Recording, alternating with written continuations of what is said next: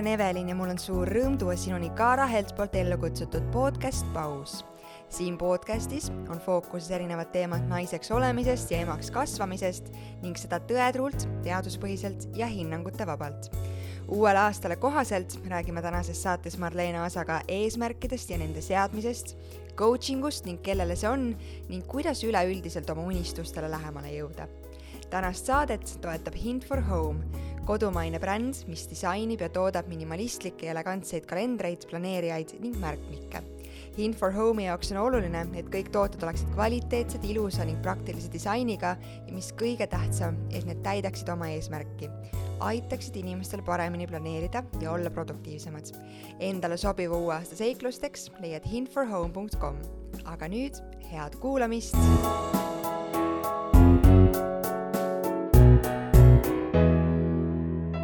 tšau, Marleen. tšau, Evelin. sa oled äh, laiemale publikule ilmselt tuttav ühest väga vahvast telesaatest, aga täna sa juba muigad niiviisi, et, et jah, ma muigan sellepärast, et äh, natuke on küsimus, et kas sellest kunagi üldse saab lahti aga ma hakkasin oma lause teise poolega jõudma siin, sinna, et täna sa oled siin coach'ina ja meil on täna väga põnevaid teemasid, mis on uuele aastale kohased aga sa jõudsid mulle väga tabavalt juba enne öelda, et äkki need on natukene klišee. jaa, täna ma olen tõesti siin äh, coach'ina ja mul on äh, hea meel sinuga rääkida natukene eesmärkide seadmisest ja mis see tähendab, sest et äh, ma ei tea, kas mõni inimene on üldse mitte jaanuari võtnud kui uue algusena, uus mina, uued võimalused, paneme need asjad kõik kirja ja hakkame nii-öelda sinna unistuste elu poole püüdlema mm. -hmm. sotsiaalmeedia on ka alati äh, aasta lõpus täis, et nii, homsest või mis iganes hetkel siis uus aasta algab, on ju, et siis äh, kõik, mis peab tegema, kuidas peab käituma, kuidas terve elu põhimõtteliselt pöörab pea peale järsku äh,, aga minu meelest viimasel paaril aastal on sinna kõrvale tekkinud ka nüüd need sisupostitused, et ei, sa ei pea ootama uut aastat, sa ei pea ootama mm -hmm. esmaspäeva, sa ei pea ootama uut kuud, alustad täna kumba pidi me siis peaks minema? ma arvan, et minema peaks nii, nagu sulle õige on. ei ole seda asja, et äh, alusta esmaspäeval või alusta uue kuu alguses või äh, millal iganes, aga teha võiksime nii, nagu on äh, mulle, sulle, kellel iganes on kõige parem ja iseenda käest küsida, et millal on kõige parem võtta ette üks eesmärk ja siis selle poole püüdlema hakata ja vahel on ka väga õige küsimus iseendale, et võib-olla võiks olla vähem eesmärke, mitte rohkem mm. eesmärke.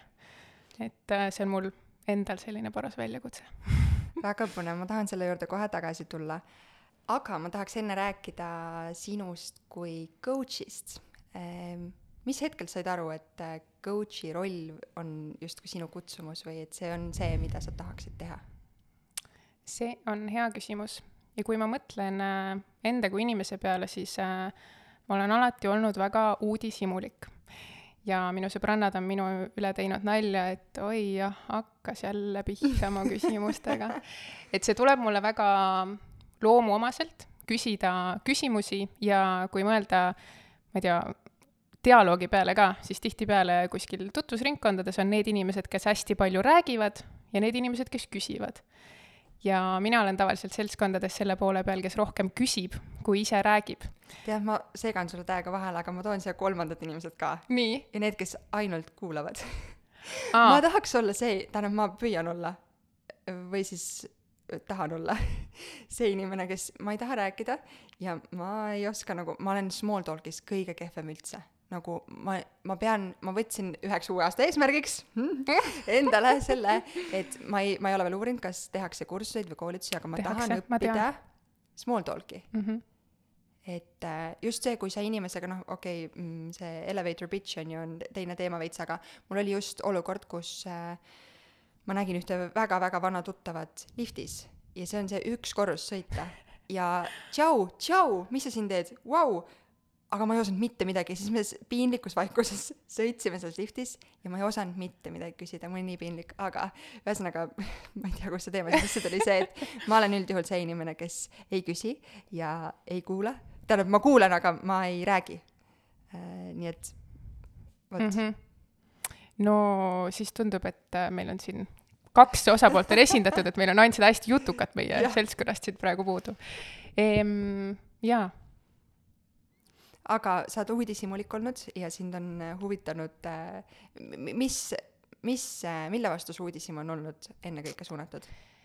mul on alati olnud uudishimu selle osas, et äh, millised inimesed on, miks me midagi teeme, miks me midagi ei tee ja ka kindlasti selle osas, et kui erinevad me kõik oleme, et mida vanemaks ma saan, äh, seda rohkem ma hakkan hindama ka, et seda, et kui erinevad me kõik oleme ja mis mulle coaching'u puhul väga-väga meeldib, on see, et coaching aitab sul olla paremas kontaktis sinu endaga. ja mida ma tunnen, on hästi palju meil ühiskonnas on äh, nii-öelda kuidagi võtame seda survet ise ka vastu, et olla kellegi moodi.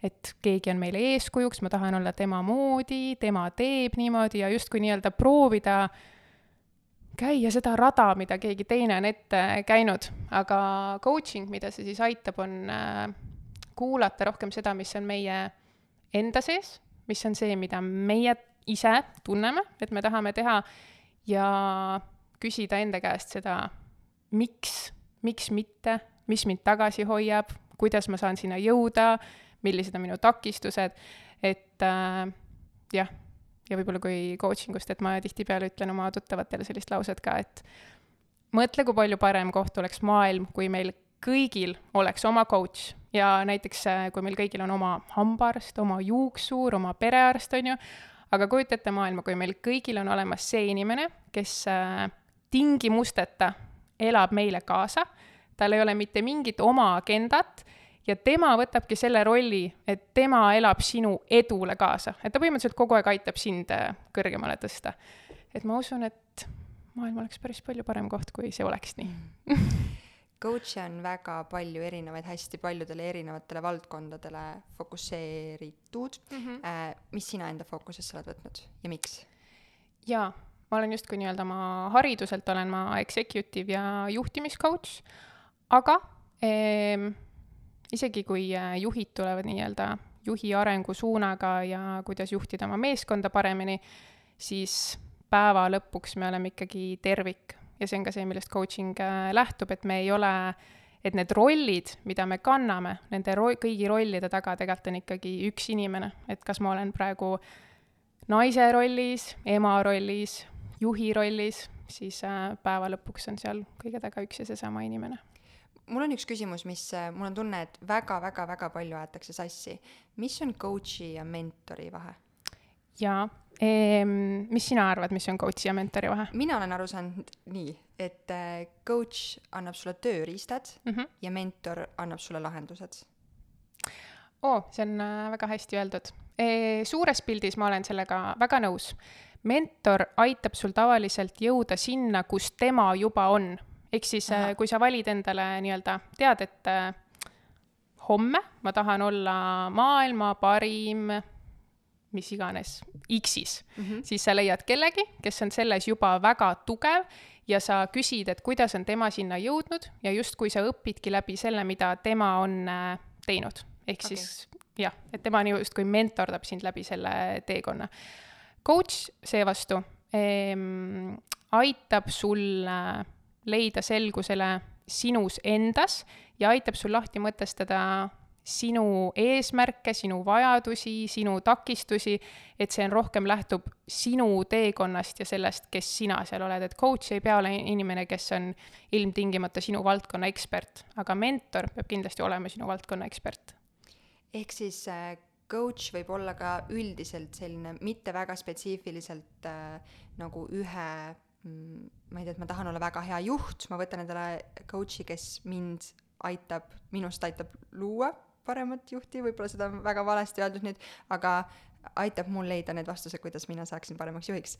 aga eh, see võib olla ka väga üldine life coach, elu coach, coach, kas üldse coach kasutatakse ka või? jaa, eesti keeles on kusjuures selline sõna nagu coach, nii et väga vabandan, aga see ei kõla üldse ei, ma ei tea kedagi, kellele see sõna väga meeldiks, nii et võime coach'i juurde jääda aga on ju, või ma eksin, et on ka üldisemalt nagu hästi laiali valguvalt elu coach'id? jaa, on, äh, on küll ja selles mõttes, et äh, coaching on ka selline trendikas ala, et järjest rohkem tuleb coach'e peale ja on erinevaid organisatsioone, kes coach'e välja koolitavad, aga ma arvan, et kõigi coach'ide ühisnimetaja on see, et nad on justkui nii-öelda inimese arengutreenerid. on turgu kõikidele nendele coach idele?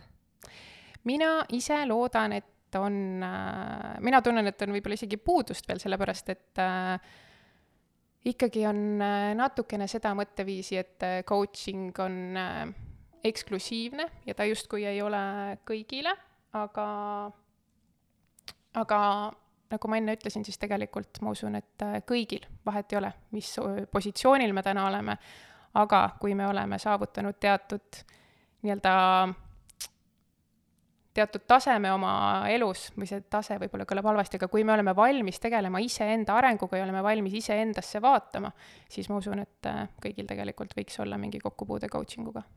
Aga siis vastupidi, kas sa täna näed, et äh, ühiskond tuleb järgi sellele coach'i vajadusele või et kas inimesed teadvustavad endale, et äh, neil oleks vaja äh,, et keegi saaks neid aidata ehm,? jaa, mina enda klientide pealt võin öelda, et mul on olnud äh, kliente, kes on alles lõpetanud äh, keskkooli ja mõtlevad, et äh, kuhu minna edasi ja üldse aru saada, et äh, mis need variandid on. Ja siis mina tegelikult saangi neid aidata ka sellena, et aga, et on vaja välja uurida, kõigepealt on vaja ära kaardistada enda tugevused, võib-olla vaja teha natukene kodutööd ja nii-öelda aidata seda teed neile seada.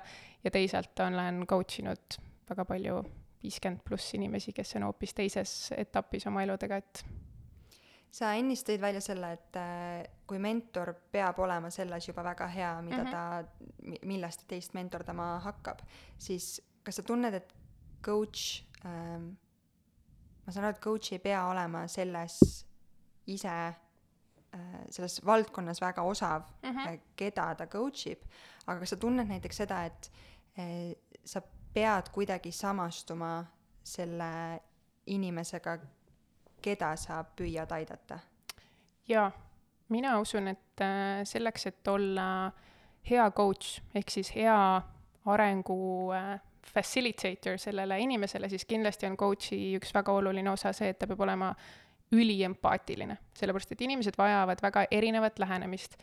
on inimesi, kes vajavad nii-öelda väga tugevat nügimist ja push imist, on teised inimesed, kes vajavad väga suurt toetust ja siis on need inimesed, kes näiteks vajavad lihtsalt, et keegi usuks nendesse, keegi, kes ütleb neile, et kui sa tahad, siis sa suudad ja keegi, kes on nii-öelda kon-, eh, konstantselt nende selline accountability body ja siis nad suudavad palju rohkem. et äh, coach'ina on kindlasti oluline aru saada, et äh, mis seda inimest käivitab ja mis aitab temal võimalikult kaugele jõuda. kuidas keegi peaks aru saama, et äh ühes või teises eluvaldkonnas coach võiks teda aidata mm? -hmm.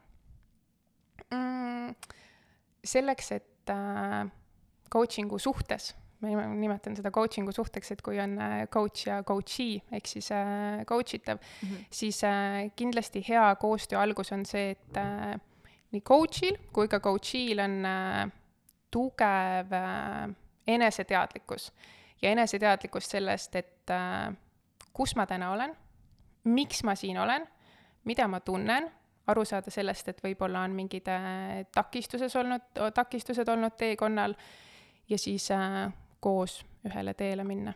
aga su küsimus oli, et äh,, et kuidas saada aru, et coaching võiks äh, aidata.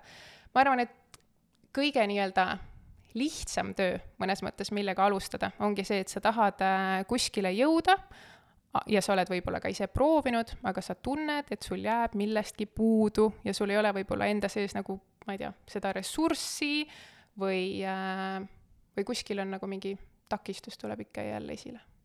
sa tõid välja selle, et äh, su coach'ide hulgas, ütlesin õigesti või? jah, just. on olnud äh, just keskkooli lõpetanud mm -hmm. noored. kas see on ka äh, ma ei tea, olukord, mille puhul coach'i poole pöörduda, et ma ei tea, mida oma eluga enam teha muidugi, kindlasti on. Ja selles mõttes see on äh,, ma arvan, et väga hea koht, kus äh, pöörduda, et täpselt, et sa oled ise võib-olla tegelenud mingi teemaga, aga sa oled jõudnud sinna kohta, et sa ei tea, sest et sul ongi, sa oled nii-öelda enda tööriistad ära kasutanud, mis, äh, mis sul on olemas, et mis iganes on need brainstorm imised või endalt teatud tüüpi küsimuste küsimine. Ja siis äh, saabki tulla mängu coach, kes aitab sul sedasama olukorda vaadata võib-olla hoopis teise nurga alt, aitab sul küsida hoopis teistsuguseid küsimusi, et seda pilti laiemaks saada.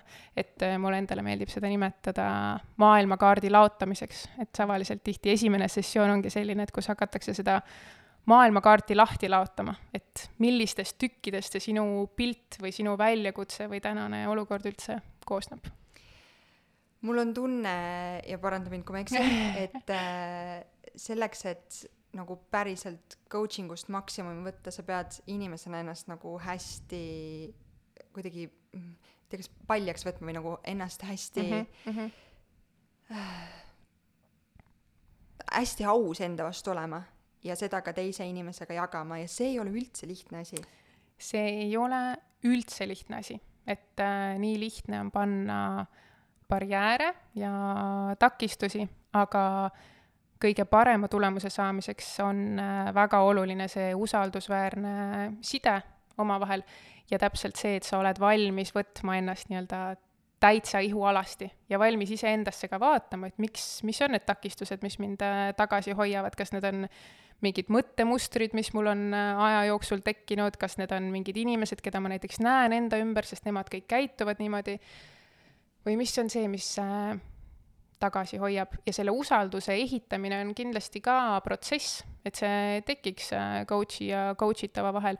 Ja coaching'u eetikas on väga tugev ka see, et kõik, mis on selle suhte jooksul, et see on täiesti konfidentsiaalne, et see ei liigu kuskile väljapoole. Ja coach'i eesmärk ongi tegelikult ju selle inimese edu tagamine, et tal ei ole seal mitte mingit oma agendat taga, vaid et äh, mina teen parima, et sina jõuaksid sinna, kuhu sina tahad jõuda see konfidentsiaalsus, kuidas see nagu päriselt töötab, ma mõtlen, et sa lähed koju õhtul, Kristjan on terve aeg on ju maja ehitanud ja siis, ja siis sa lähed, saad aru, mis mul täna klient tuli, rääkis mulle sellest, sellest, sellest või see on off the table?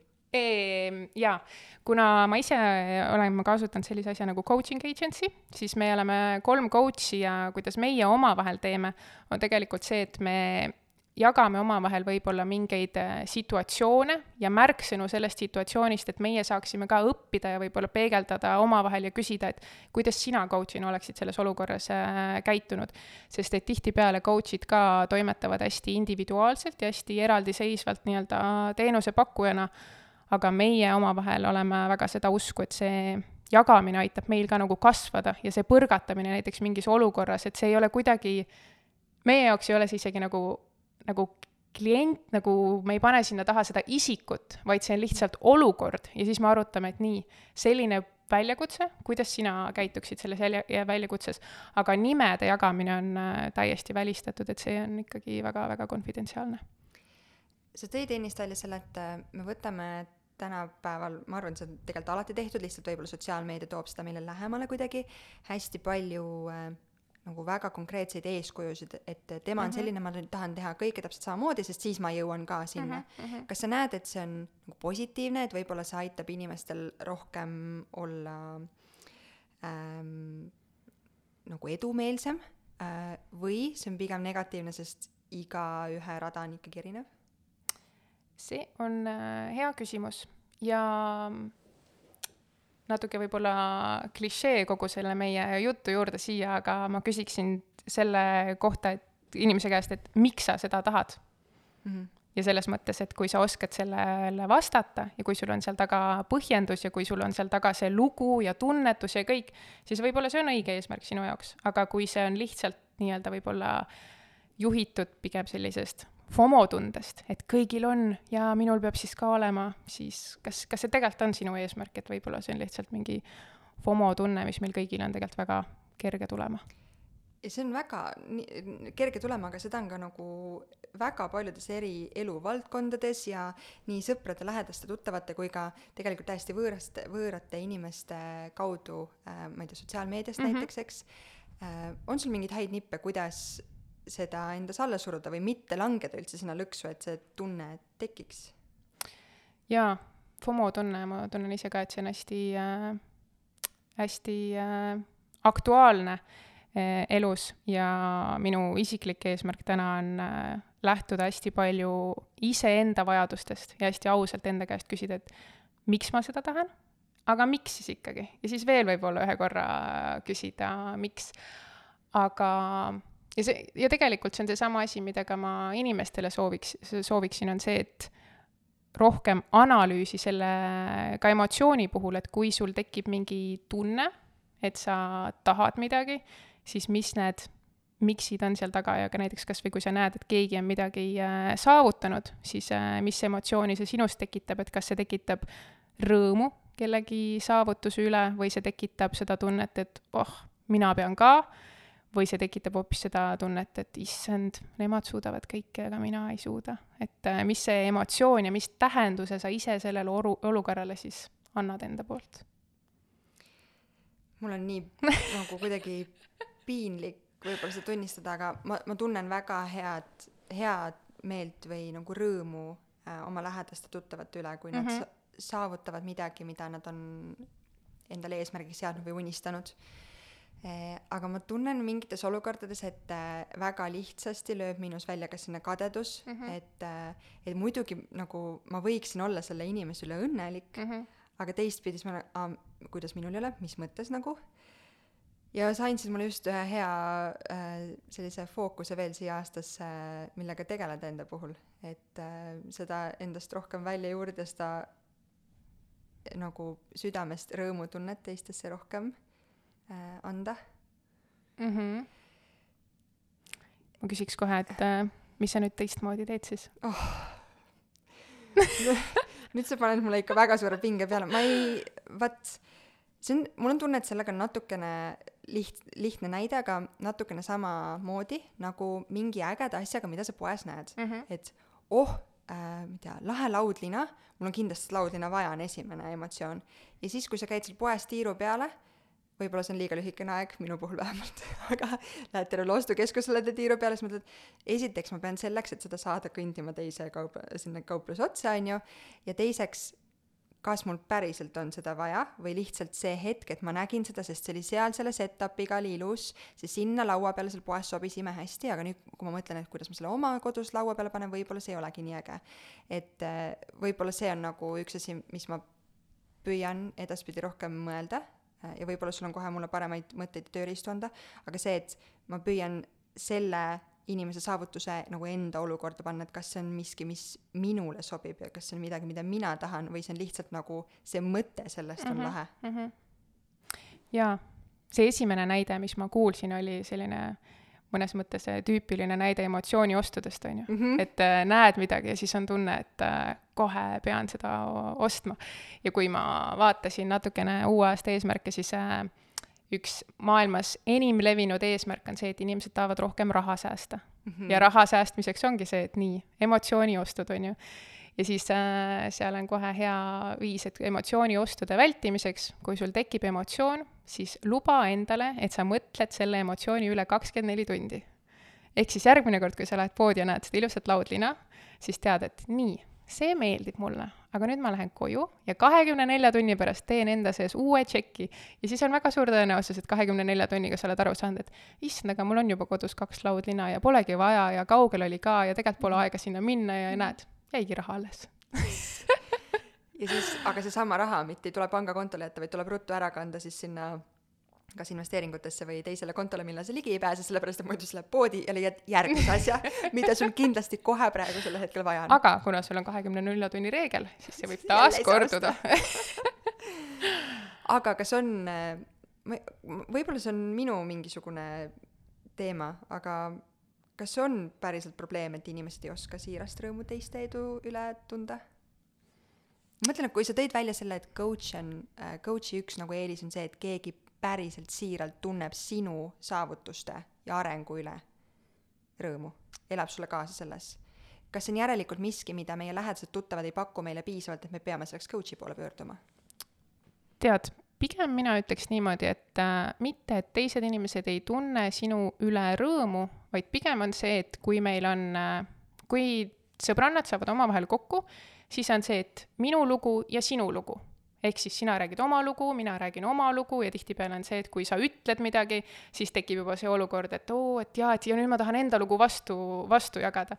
aga coach'ina sa jätad selle enda loo, jätad sealt ruumist täiesti välja et siis on üks lugu, millega tegeletakse ja see on see võib-olla muutuja selles äh, valemis, mis seda olukorda muudab. et äh, ma usun siiralt, et lähedased inimesed ja väga paljud oskavad rõõmu tunda teise üle, aga siis on lihtsalt alati tood sa nii-öelda selle enda loo ka sinna pilti, sest tegelikult igaüks me peamegi enda lugu elama ja enda loo eest seisma, et see ei ole kuidagi nagu halb. kui me teisi ei peaks liiga palju endale eeskujuks selles osas võtma, nagu sa välja tõid, et äh, need esimesed küsimused ikkagi, et äh, kas see inimene on läbi mõelnud selle enda jaoks, miks ta seda päriselt tahab äh, ja et kas see on ühesõnaga läbimõeldud otsus, siis kuidas me üldse nagu, kas sul on mingi selline tegevuslist või lihtne to-do list selleks kuidas leida endale see, mille poole me tahame püüelda, millised need mingid suuremad eesmärgid on? Mina usun sellesse, et tegelikult meie kõigi sees on need asjad olemas, aga elud on kiired ja to-do listis on alati palju asju, et me lihtsalt võib-olla ei kuula tihtipeale neid asju, mida me päriselt tahame teha ja me kuidagi ei loo kontakti nendega, et mina ise olen näiteks terve elu olnud äh, hästi tugev selline hustle kultuuris elaja ja hästi palju, kogu aeg peab hästi palju asju teha olema. Ja praegu näiteks minu enda jaoks on uuel aastal oluline teha vähem, mitte rohkem. ja vähem asju panna enda, enda to-do listi. ja sa vist pead oma küsimust mulle kordama. tead, mul tuli sellest juba uus mõte eh,, sest mina olen ka olnud alati äh, nagu ümbritsetud inimestest, kes teevad hästi palju ja mm -hmm. jõuavad hästi palju see mm, igipõline äh, lause ka, et kes teeb, see jõuab yeah.. ja, ja ma ükskord tundsin, et mu elus on kõike liiga palju. Ja ma tundsin, et ma pean täiega pidurit tõmbama, tõmbasin väga mitu juhet seinast välja. Ja mitte ainult ei tekkinud sellega see FOMO tunne, et millest ma kõigest nüüd ilma jään selle pärast, aga ma tunnen ka, et, et nüüd justkui ähm, tihtipeale mu lähedased ja tuttavad ja sõbrad, et nende meelest ma ei teegi mitte midagi. Ja väga lihtsasti, kui, kui ka see hinnang, ma, ma ilmselt kujutan seda endale ette, aga see hinnang, ma lihtsalt nüüd nagu olles ema, näen seda eriti palju, et teised emad tunnevad ennast pahasti, et nad ei tee mitte midagi muud mm, -hmm. kui on sada protsenti pühendunud oma lapsele. ja see on hästi nõme tunne, sest ma tean, et ma pean tema jaoks olemas olema ja ma tahan seda, aga ometi mul on see tunne, et aga teised teevad, mina ju pean ka midagi tegema. mul tuleb nii pikka sügavat vahet selle teema peale, sest et äh, ma olen seda kolleegidele ka väga palju jaganud, et ähm, mõtle, kui huvitav on see, et me oleme ühiskonnana sellises kohas, et äh, kui küsida kellegi käest, kuidas läheb, siis see vastus, oh, mul läheb nii kiirelt, siis see justkui on peaaegu samasuguse tähendusega nagu see, et äh,, et ma olen tähtis. et kui sul läheb väga kiirelt ja sul on palju teha, siis sa oled tähtis aga mõtle, kui, äh, et peaaegu süümekad oleks vastata kellelegi, et tead, mul on nii palju vaba aega, ma käin ja jalutan ja loen raamatuid ja kuulan muusikat ja siis ja on nagu selline tunne, et sa oled, sa, sa, et sa logeled või sa ei ole kasulik, on ju. Mhm. aga mis asja et mik-, miks see nii on nagu, et äh, jah, et see kiirus ja tähendus, et see, see justkui on, ühiskonnas on sellel selline tähendus, aga äh, enda jaoks saab seda tähendust alati ümber mõtestada, et see ei pea sama asja meie enda jaoks tähendama ja elus ongi etapid ja perioodid ja mõnel etapil, mõnes etapis ongi väga palju asju teha ja teises etapis on võib-olla oluline rohkem nautida ja kohal olla ja teadvustada, et praegu on see etapp, kus mul on võimalus võtta aega enda jaoks, teha enda jaoks olulisi asju ja mitte olla selles kiires rütmis, sest sinna kiiresse rattasse saab alati tagasi hüpata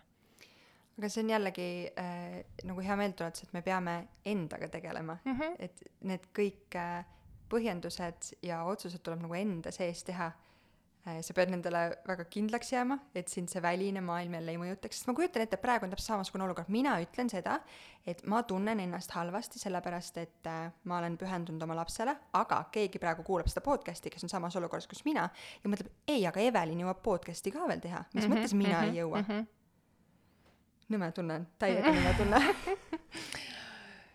jah, aga kogu aeg on see võrdluse asi, on ju.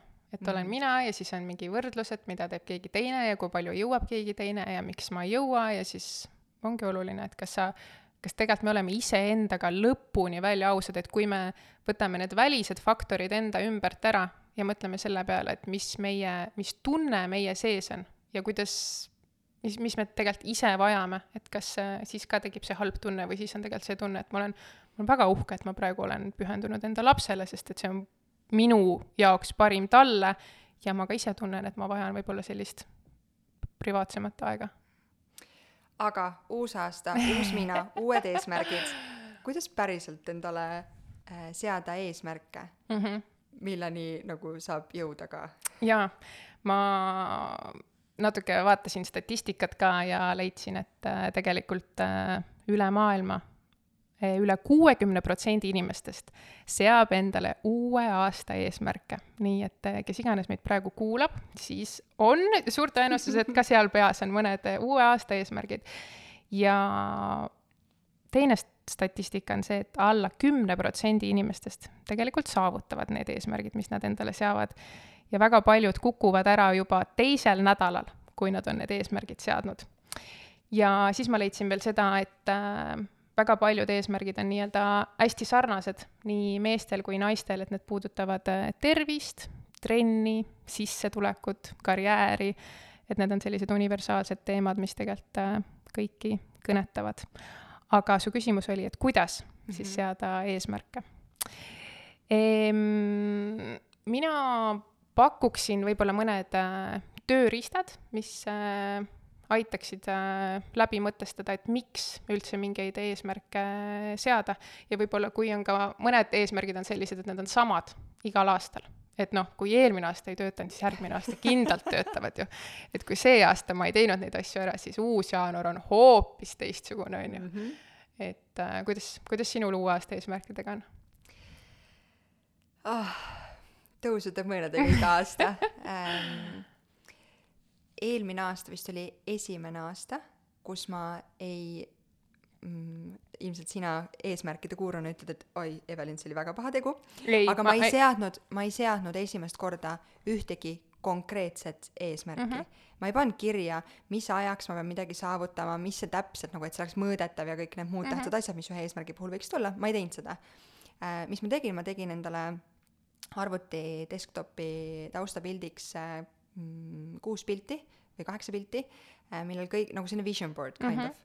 Äh, ja alati, kui ma arvuti avan ja panen kinni, siis see oli miski, mida ma vaatasin.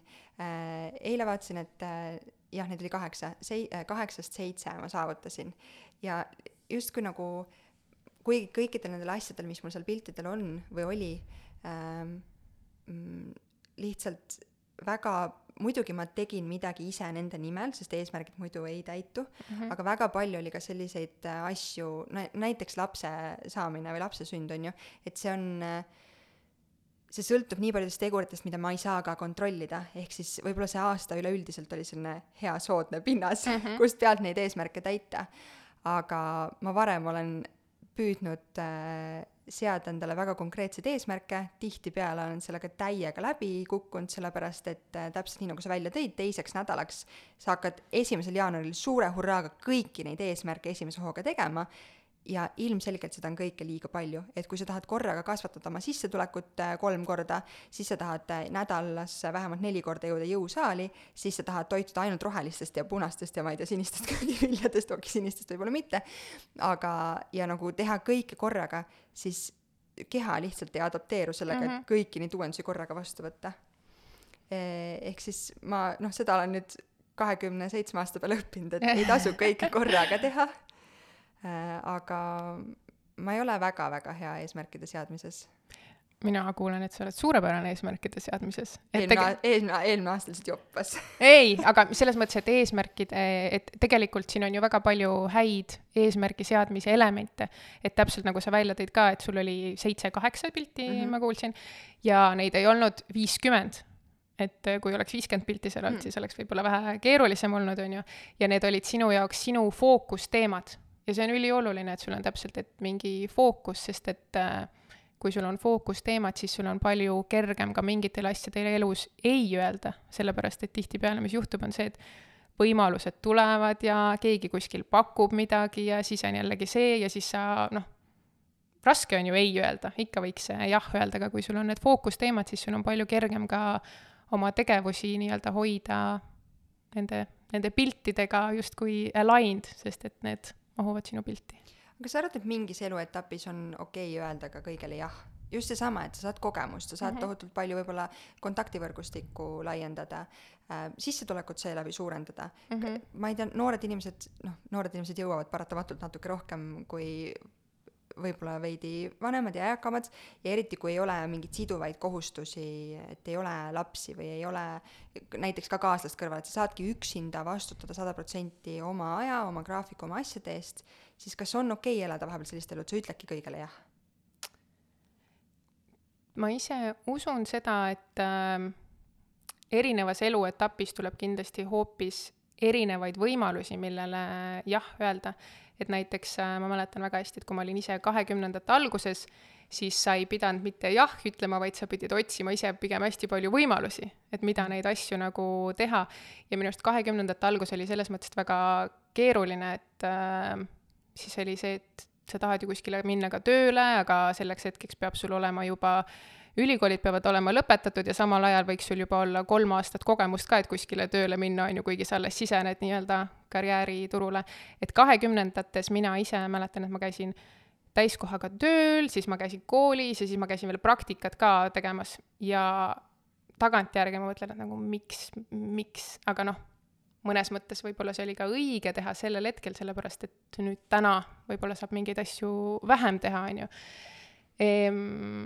Ja mina ise olen täna seal, kus äh, ma olen nii harjunud kogu aeg hästi justkui nagu pisi olema, et ma saan aru, et see on minu nii suur harjumus, mis on mul sisse tulnud, et ma täna tegelikult ei taha seda enam, et nagu kuidas sellest lahti õppida ja kuidas mitte elada nagu kogu aeg enda kalendris, nii et kõik õhtud on täis, kõik tunnid on täis, kõik päevad on täis, et nüüd ma just tunnen, et ma tegelikult tahan rohkem ruumi luua enda ellu nagu.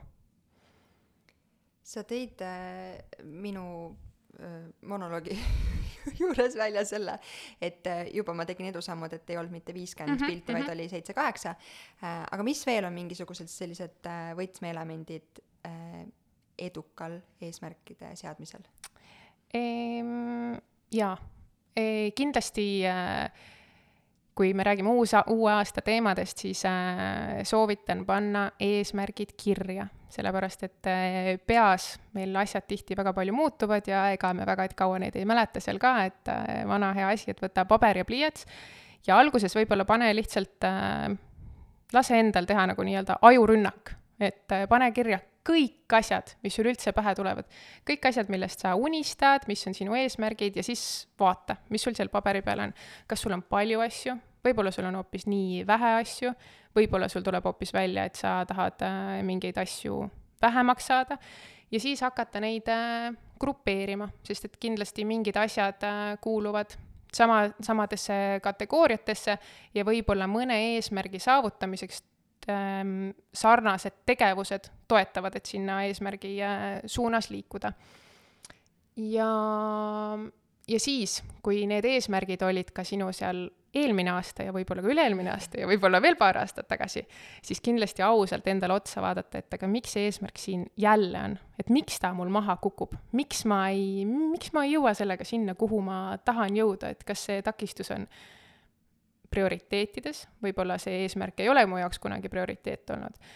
ja uuel aast-, uue, uue aasta eesmärkidega on see keeruline asi ka, et tihtipeale neid pannakse üsna mitu ja siis on see tunne, et hakkan startima nende kõigiga korraga.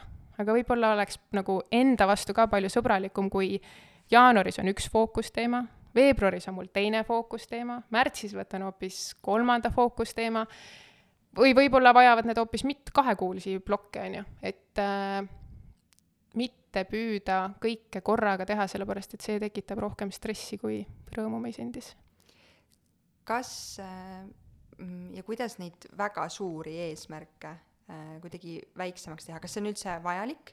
ma mõtlen, mina lihtsalt äh, ma ei tea, alati on hea näide see oma esimese kodu sissemaksu kogumine, on ju, mhm, et mhm. nagu konkreetselt mõõdetav, nii okei okay,, mul on vaja, ma ei tea, kolmkümmend tuhat eurot koguda, mul on selleks kaks aastat, see tähendab, et kakskümmend neli kuud, ma olen arvutamises, peast arvutamises väga kehv, aga oletame, et see on mitu üle, üle tuhande euro kuus. üle tuhande euro kuus, aitäh ja, mm, ja siis, kui ma veel noh, miks mitte, võin selle nädalateks ka veel äh, teha mm -hmm. lahti, on ju, et seal kakssada viiskümmend eurot nädalas, äh, mis iganes kulude pealt kokku hoida või reiside pealt või nii edasi. et siis see on nagu kuidagi lihtsam ja äh, need tükid tunduvad palju realistlikumad kui see kokku kolmkümmend tuhat mhm, korraga mm. -hmm.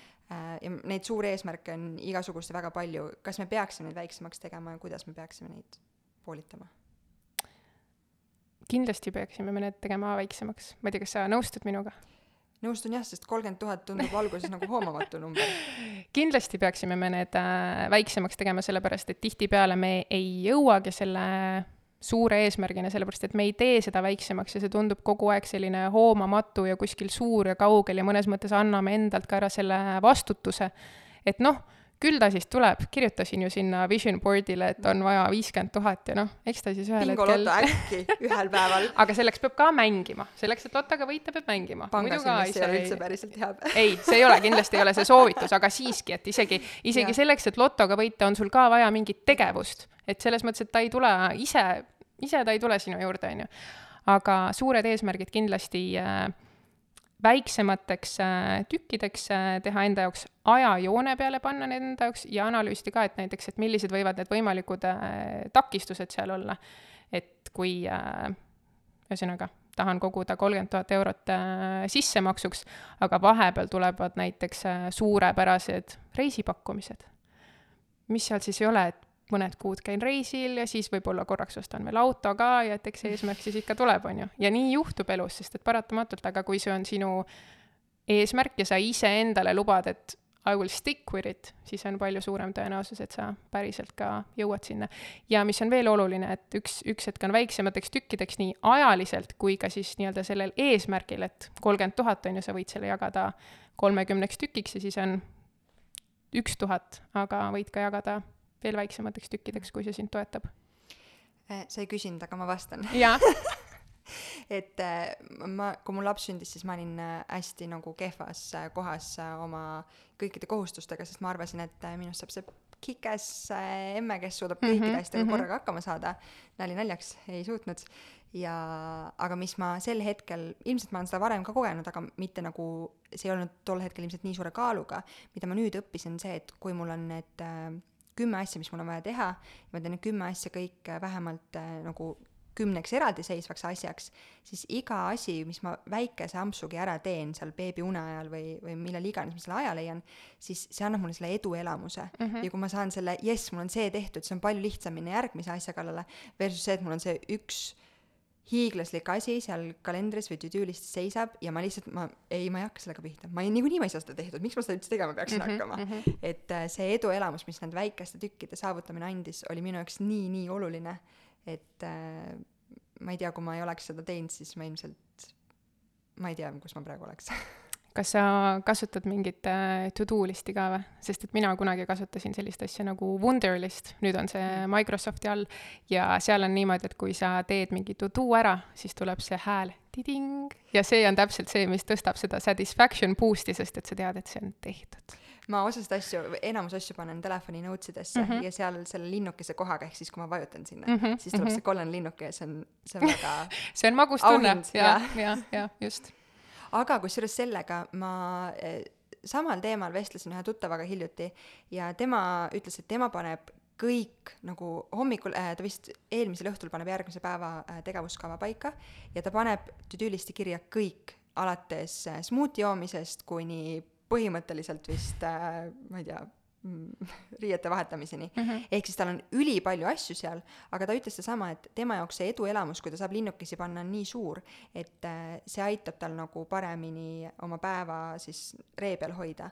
aga ma tunnen, et kui neid asju nagu listis on üli-ülipalju, siis mul on vastandlik efekt, et siis ma ei tahagi mitte midagi teha, sest ma näen, kui palju neid asju seal on jaa, eks meil kõigil on mingi oma, oma piir, et mis äh, meile sobib, et mõnel inimesel ühel, ühes päevas on võib-olla viisteist väikest asja, mis võtavad tal võib-olla pool tundi tegemist, on ju, ja teisel inimesel on äh, võib-olla kolm fookusteemat ja igaüks vajab äh, kaks tundi, on ju, et mis, mis see sinu jaoks justkui õige, õige on.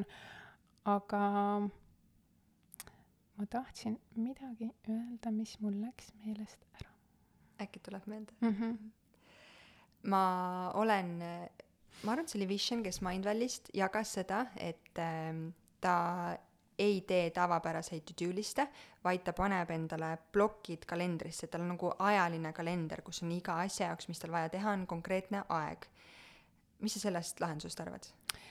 minu äh,, mul on kodus kaks äh, hüüdnime, et Kristjan äh, vahest kutsub mind äh, startup'iks ja vahest kutsub mind kalendriks et see üsna palju äh, ütleb äh, võib-olla minu kohta, aga minul on, mina päriselt elan enda kalendris, et äh, kui mul on Kristjaniga õhtuks midagi kokku lepitud, siis ma saadan talle kalendrikutse.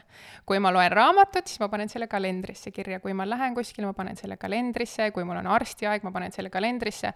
Ja see on see, mis tagab minule turvalisuse sellepärast et see tähendab, et ma ei pea enda ajus kogu aeg kaasas kandma, et millal ma mida pean tegema, vaid see loob minu jaoks ruumi teisteks asjadeks. Ja samamoodi töö juures ka, et kuna ma tegelen väga paljude erinevate projektidega, siis mul on ka kogu aeg kõik asjad kalendris ja samamoodi näiteks mingid plokid.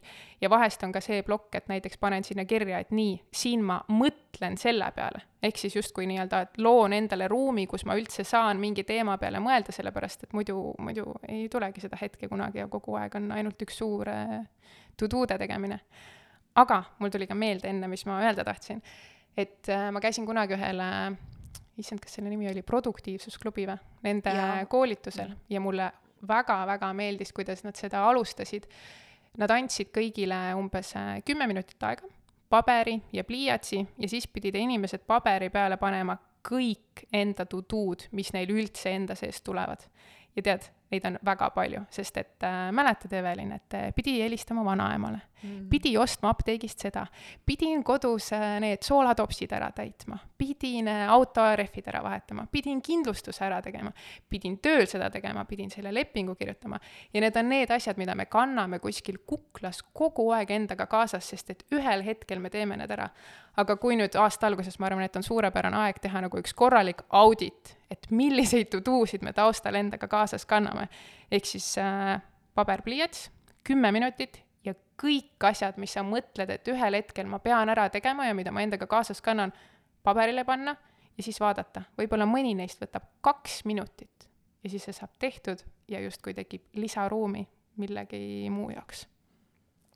ma olen tundnud, et äh, ma olen nii palju parem inimene, kui äh, ma, ma püüan üleüldiselt olla kõiges, mis ma teen nagu sellel hetkel kohal nende mm -hmm. inimestega, nende tunnetega selles keskkonnas, aga vahel paratamatult täpselt sellel samal põhjusel, et kuklas kogu aeg tiksub, et isegi mm -hmm. kui ma mängin oma lapsega, samal ma mõtlen, et aa, ma pidin vanaemale helistama, aa, ma pidin koera kindlustuse uuendama, on ju.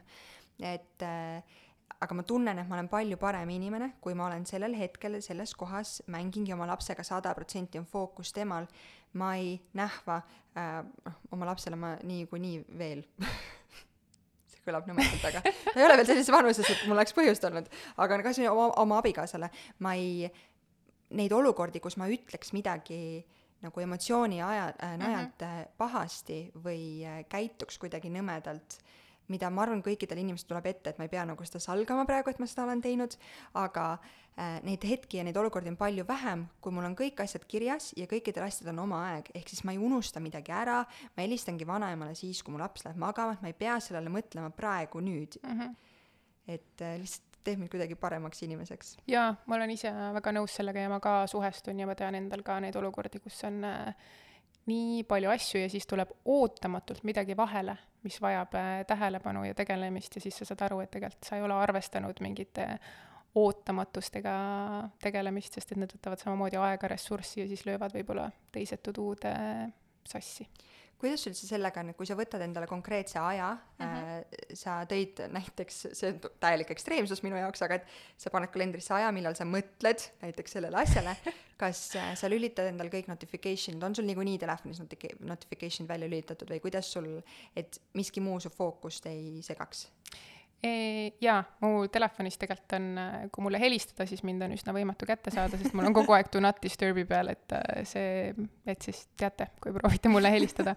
aga jaa, kindlasti leida, et kus on sinul kõige parem, mina ise panen näiteks tähele, et on äh, ruum väga palju mängib rolli, et kus ruumis sa tunned ka inspiratsiooni ja kus sa tahad olla et äh, ma ei tea, mõnes kohas on rohkem äh, valgust, mõnda asja on võib-olla hea kuskil kohvikus teha, mõne, mõnda tahad sa täitsa üksi teha, mulle meeldib vahel ka kuulata niisuguseid äh, ADHD playlist'e mhm. või niisugust hästi, hästi malbet taustamuusikat, mis justkui nende lainetega siis loob ajus sellise mõnusa tunde. et jaa, iga, igalühel kindlasti testida, et mis talle kõige paremini sobib, sest et asjad, mis äh, mulle sobivad, ei pruugi üldse nii hästi kellelegi teisele sobida. aga kui oluline see on kas või üleüldises elus, mitte ainult konkreetsete eesmärkide täitmisega või oma aja võtmisega, äh, vaid üleüldiselt äh, näiteks telefonist lülitadki need Instagrami ja Messengeri ja kõik muud notification'id välja? no mis sa arvad?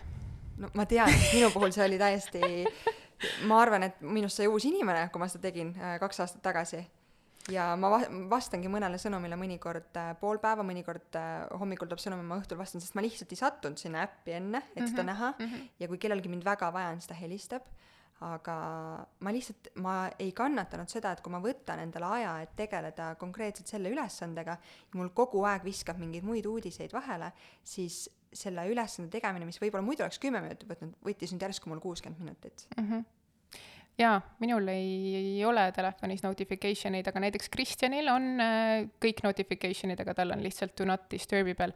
Ja temal on äh, minu, näiteks hoopis teistsugune suhtumine kui minul, näiteks kui äh, mina näen, et mul on tulnud mingi email ja ma juba olen seal, siis minu instinkt on kohe seda lugeda aga näiteks Kristjan, isegi kui seal pealkirjas on urgent, siis ta suudab seda mitte lugeda kaks päeva. näiteks kui see tuleb reede õhtul ja ta teab, et tal ei ole seda enne esmaspäeva vaja, siis ta suudab niimoodi ennast reguleerida, et ta ei loe seda ja ta teebki selle esmaspäeva hommikul lahti. aga mina ei suuda, sest muidu ma mõtlen terve nädalavahetus selle peale, et issand jumal, mul on mingi urgent ja meil on omavahel peaaegu tuliseid vestluseid olnud sellepärast, et kui erinevalt me tegelikult toimime. ja siis ongi oluline, et nii, minu jaoks on oluline nii teha, sest see annab mulle süda südamerahu ja kui ma olen selle ära lugenud, siis ma olen ära lugenud, on ju, tema ütleb, aga ma ei taha praegu seda energiat ja ma ei taha sellele teemale mõelda, et mul on hoopis teised plaanid nädalavahetuseks. ja noh, mul on peaaegu raske mõista, sest mina töötan täiesti teistmoodi. aga tema jällegi töötab teistmoodi väga huvitav, tõesti põnev see kõlab natukene, et ma olen kuulnud, et aga ma olengi kuulnud, et äh, mõned inimesed ei sea eesmärke ja nad lihtsalt unistavad. ma unistan, et ma saaksin endale suure ägeda maja mm -hmm. ja ma unistan, et mu pangakontol oleks ähm, viiskümmend tuhat vaba raha ja ma unistan, et ma saaksin sinna Arubale reisile minna. mis nende unistustega nüüd on ehm,? no definitsiooniliselt, on ju, ma arvan, et väga paljude inimeste jaoks see unistus ja eesmärk võib-olla tähendab äh, sama asja, aga mi-, minu definitsioonides on, unistus on justkui mingi äh, mõte, aga eesmärk on äh, unistus pluss plaan. et äh,, et selline ikkagi mingi tegevuskava, mida sa teed, et sinna jõuda. ja see võib-olla ongi see see vahe. ja selles mõttes, et ega võib-olla kõik inimesed ei peagi eesmärke seadma, kui nad ei tunne, kui nende tunne on hea ja kui nad tunnevad, et nad liiguvad õiges suunas, et nad saavutavad asju, mida nad äh, soovivad. aga üldiselt on äh, tõestatud, et eesmärkide seadmine, et see ikkagi suurendab äh, eneseusku, eneseteadlikkust ja tõstab ka meie motivatsiooni, et ma usun, et me kõik teame seda tunnet täpselt, et kui midagi, mida me oleme tahtnud teha, saab tehtud, siis see tunne nagu uhkus ka, mis iseenda üle tuleb, et issand, jess, ma tegin ära selle, et äh, kindlasti aitab enda vastu ka olla hoopis positiivsem ja sõbralikum. millised su enda, lubad sa ennast, e, meid oma eesmärkide listi, millised su mõned selle aasta eesmärgid on? ma ei ole veel enda jaoks seda päris äh, lahti kirjutanud ja seda aega võtnud, et ma kindlasti tahaksin võtta ühe korraliku laupäeva selleks, et sellega tegeleda, et mul on ka kirjutuslaua peal vision board, mida ma siis iga aasta pilte seal muudan ja vaatan, kuidas millegagi on läinud. aga küll, aga mida ma mainisin alguses, on ka see, et minu suur eesmärk praegu on oma laua pealt asju saada vähemaks ja mõnes mõttes teha audit, et need tegevused, mis ma täna teen, kuhu need mind viivad, kuidas need toetavad mind lühikeses perspektiivis ja kuidas need toetavad mind pikas perspektiivis, sest et ma olen enda puhul märganud seda, et ma olen jube kiirelt valmis alati mingeid uusi asju enda plaanidesse juurde võtma. et äh, täna, täna üks eesmärk kindlasti on teha vähem, mitte rohkem. me iga päev kuidagi areneme ja muutume ja meie mõtted muutuvad ja aasta on tegelikult äh, sõltuvalt perspektiivist mõnikord väga lühike aeg ja mõnikord väga pikk aeg ja selle aasta jooksul võivad ka väärtused ja hoiakud ja soovid mm -hmm. muutuda. Ähm, mis hetkel ähm, või kuidas aru saada, kas ma lihtsalt annan selle eesmärgiga alla ja ma ei taha seda saavutada, sest mul ei ole seda vaja mm, -hmm. või siis ma annan selle, sellega alla, sest ma ei viitsi sellega tegeleda mm. -hmm. Mm, muutuste osas äh kindlasti me muutumegi ajas hästi-hästi palju ja kindlasti ka meie tutvusringkond peegeldab seda, et äh, kuidas me muutume ja seda võib-olla, võib-olla kui palju inimesed muutuvad meie ümber. et kellega me täna kohtume, mis teemadel me vestleme versus äh, millistel teemadel me, ma ei tea, viis aastat tagasi kellegagi vestlesime, et see on väga suur äh, erinevus, on ju. et tutvusringkond ka kindlasti mõtle, mõtle selle peale, et kas su tutvusringkond soodustab sinu eesmärkide täitmist või mitte, et kui sina tahad olla väga, väga sportlik ja võib-olla liikuda palju, aga su tutvusringkond pigem eelistab alati, ma ei tea, mis iganes istuvat tegevust teha, on ju, et äh, kas see siis äh, toetab. aga sinu küsimus oli? et äh, kuidas oma, saad aru, kas eesmärgid on lihtsalt nagu et ei viitsi nendega tegeleda. või annad alla, on ju mhm. no ma arvan, et iseendaga aus olemine, et keegi teine ei saa sulle tegelikult öelda, et kas sa oled muutunud või sa oled alla andnud, et see julgelt peeglisse vaatamine ja täpselt see, et kui sul on asjad kirja pandud, siis äh, pane endale näiteks kalendrisse, et ma ei tea, iga kuu lõpus korraks teed väikse auditi enda eesmärkide osas, et millised on need tegevused, mida sa oled teinud ja mida sa ei ole teinud. ja siis küsida enda käest, aga miks ma need asjad tegemata jätsin, kas sellepärast, et prioriteedid muutusid ja miski paelus mind äh, rohkem või äh, sellepärast, et see ma ei tea, ei köida mind, äh, mind lihtsalt enam, sest et tihti elus prioriteedid äh, muutuvad ka. Ja, ja noh, motivatsioon ja distsipliin on ka väga erinevad asjad, et motivatsioonist asju teha on tihtipeale väga kerge, sellepärast et me oleme, me põleme ja me tahame, aga distsipliin nõuab väikest äh, lüket. et äh, seda ka vaadata kas oma eesmärke peaks jagama kellegagi? kindlasti on see individuaalne, aga on äh, tõestatud, et äh, kui sa jagad, siis on veel suurem tõenäosus, et sa viid need tegelikult ellu, sellepärast et siis sul on justkui selline accountability, accountability ja mõnes mõttes ka sihuke pressure, et mm -hmm. sa mhm. oled ju kellelegi lubanud, kuidas ma nüüd ei ole, ja ma tean väga palju inimesi, kes on öelnud nagu, et nad on võtnud eesmärgiks, et öelda välja oma eesmärk kõva häälega sellepärast, et kui sa ütled mingi eesmärgi välja kõva häälega, siis võib-olla sa leiad mingi toetusgrupi, võib-olla keegi kohe pakub sulle mingeid võimalusi, kus sa saad neid äh, ellu viia. et ma väga julgustaksin neid eesmärke jagama ja kindlasti ka valida, et kellega neid jagada, võib-olla on ümbrusringkonnas keegi, kes aitab neid ellu viia. kas äh, sinuga saab ka neid jagada või? Nagu sinu kui coach'iga. Ma mõtlen, et kas, äh, kui keegi, see, see, tulles selle vestluse alguse juurde tagasi, et äh, kas sind saab oma coach'iks kuidagi, kui keegi mõtleb, et oh, Marleen on nii lahe, ma tahaks, et ta mu eesmärkidel silma peal hoiaks. Jaa, kindlasti. Coaching us on selline hea tava, et äh, kuna väga oluline on see omavaheline keemia, siis mina julgustan väga kõiki inimesi kohtuma erinevate coach idega, et äh, coaching'u hea eetika on see, et esimene kohtumine ongi nii-öelda tutvumiskohtumine, mis on tegelikult tasuta kõigile ehk siis äh, oluline on see, et coach'ile meeldiks sinuga koostööd teha ja sinule meeldiks coach'iga koostööd teha. et enne, kui sa kuskile sukeldud ja mõtled, et nüüd sellel aastal ma hakkan coach'iga koostööd tegema, siis kindlasti tasub nii-öelda näpuotsaga puudutada ja suhelda erinevate inimestega ja saada aru, et kuidas nemad ise toimivad, millised on nende väärtused, milline on nende maailmapilt ja kui hästi see sinu omadega sobitub. aga jaa, kindlasti saan aidata, et võib julgelt kirjutada. Aga kuidas üldse peaks, võib-olla me rääkisime sellest juba enne, aga mm -hmm. kuidas nagu päriselt ma peaksin leidma endale coach'i, kas või need esimesed paar, kellega nagu seda nii-öelda mm -hmm. tunnetada, kas see koostöö üldse võiks sujuda, sest äh, ma mõtlen, et kas ma peaksin otsima endale võimalikult sarnaste huvidega inimest või, või et näiteks kui täna minu kõige suurem äh, strug-, mm, väljakutse on äh, just see, et kuidas oma tööelu ja ka lapse, nagu olles värske lapsevanem, seda elu ühildada mm, -hmm. kas ma peaksin leidma endale coach'i, kes on sedasama võib-olla läbi teinud kunagi mm? -hmm. Ehm, jaa, ma, ma ma võib-olla, ma loodan, et ma ei tee sulle liiga, aga ma, aga ma oletan, et kui sina täna tunned, et täpselt, et äh, teemadeks on enda professionaalse elu ja lapse kasvatamise kombineerimine, siis võib tekkida eeldus, et tõenäoliselt suudab mind selles teemas aidata kõige paremini naine, kes on ise seda juba teinud mm. -hmm.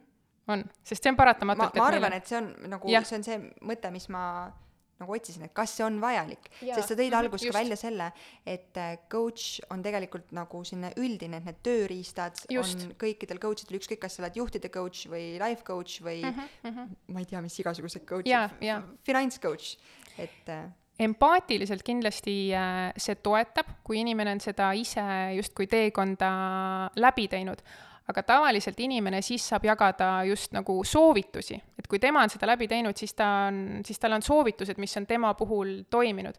aga coach'i eesmärk ei ole tegelikult anda sulle soovitusi, vaid tal, tema eesmärk on äh, küsida sinu käest, et aga kuidas sina tahad, mis on sinu võimalused, mis on sinu takistused, kuidas sina oled selle peale mõelnud, et äh, mina väga julgustaks äh, vestlema inimestega, kes on sarnased, aga ka inimesed, kes on äh, erinevad, et jah. ja sinuga saab ühendust, kui keegi tundis ennast kogu selles asjas ära kust sulle kirjutada või joonistada võib?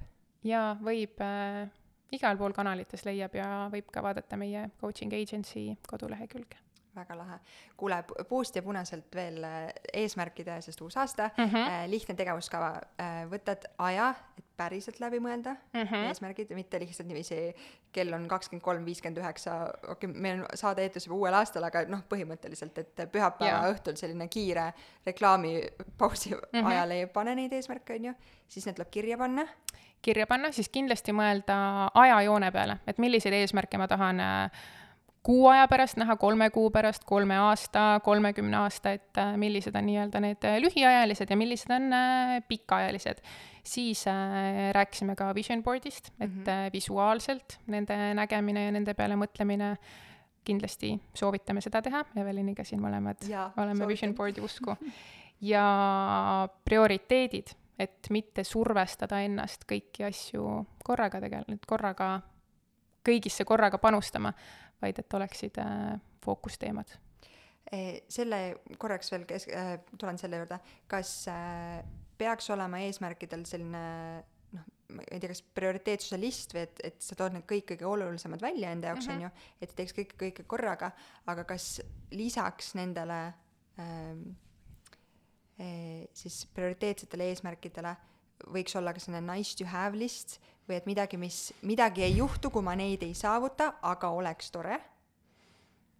no olenevalt tõenäoliselt, kui äh, pikk see list on, et äh, ma tun-, ma tunnen natukene survet, et äh, sa tihtipeale küsid mu käest, et kas peaks. ma, kui ma ausalt ütlen sulle, et siis peaks nii, nagu iga, igaüks tunneb, et talle on õige. et ma, ma ei ole siin mitte keegi, et öelda, et kuidas peaks olema, aga ma arvan, et endasse vaadata, et tegelikult ära ei pea olema nii, nagu keegi ütleb, et nii, nüüd tee nii, pane kümme eesmärki, ei, kaksteist eesmärki, sellepärast et on kaksteist kuud, jaota need kolmeks tükiks, seal küsi abi, seda tee iga päev, siis pane omale habit tracker sinna ja siis tee endale vision board. mitte midagi nendest asjadest ei pea tegema, aga sul on võimalus teha erinevaid asju ja sul on, pigem, pigem algab sellest, et küsi enda käest, miks ma midagi tahan, mis ajajoonel ma seda tahan miks ma võib-olla seni ei ole saavutanud seda eesmärki, mis ma olen jätnud tegemata, kas minu tuttavad ja sõbrad ümberringi toetavad selle eesmärgi saavutamist. ja siis, kui enesele teed väikse auditi analüüsi, et siis äh, ma usun, et on hoopis parem pilt enda jaoks, vahet pole, mis teised ümberringi ütlevad. super. kas on midagi, mis äh, sul tänasest saatest veel kripeldama jääb ja mida tahaks hirmsasti jagada? võib-olla see, et äh, vähem, vähem survestada ennast, et äh, mitte teha rohkem, vaid teha targemalt, et äh, mitte, mitte, et peab kogu aeg väga palju tegema ja hästi kiire peab olema ja siis oled tähtis ja kõik, et vaid äh, teha neid asju, mida sina tunned, et sa tahad teha, on sinu jaoks õiged ja täiesti okei okay on muuta neid eesmärke, kui need enam ei teeni sind väga mõnusad mõtted.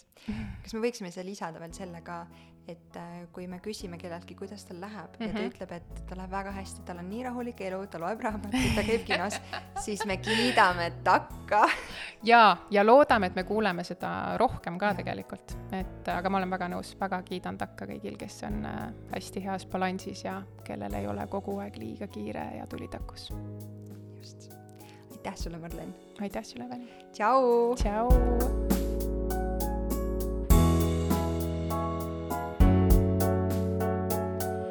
Saate toob sinuni Kaara, naiste tervise ja heaolu edendaja rasedus- ning emadusperioodil. vaata lähemalt kaarahelts.io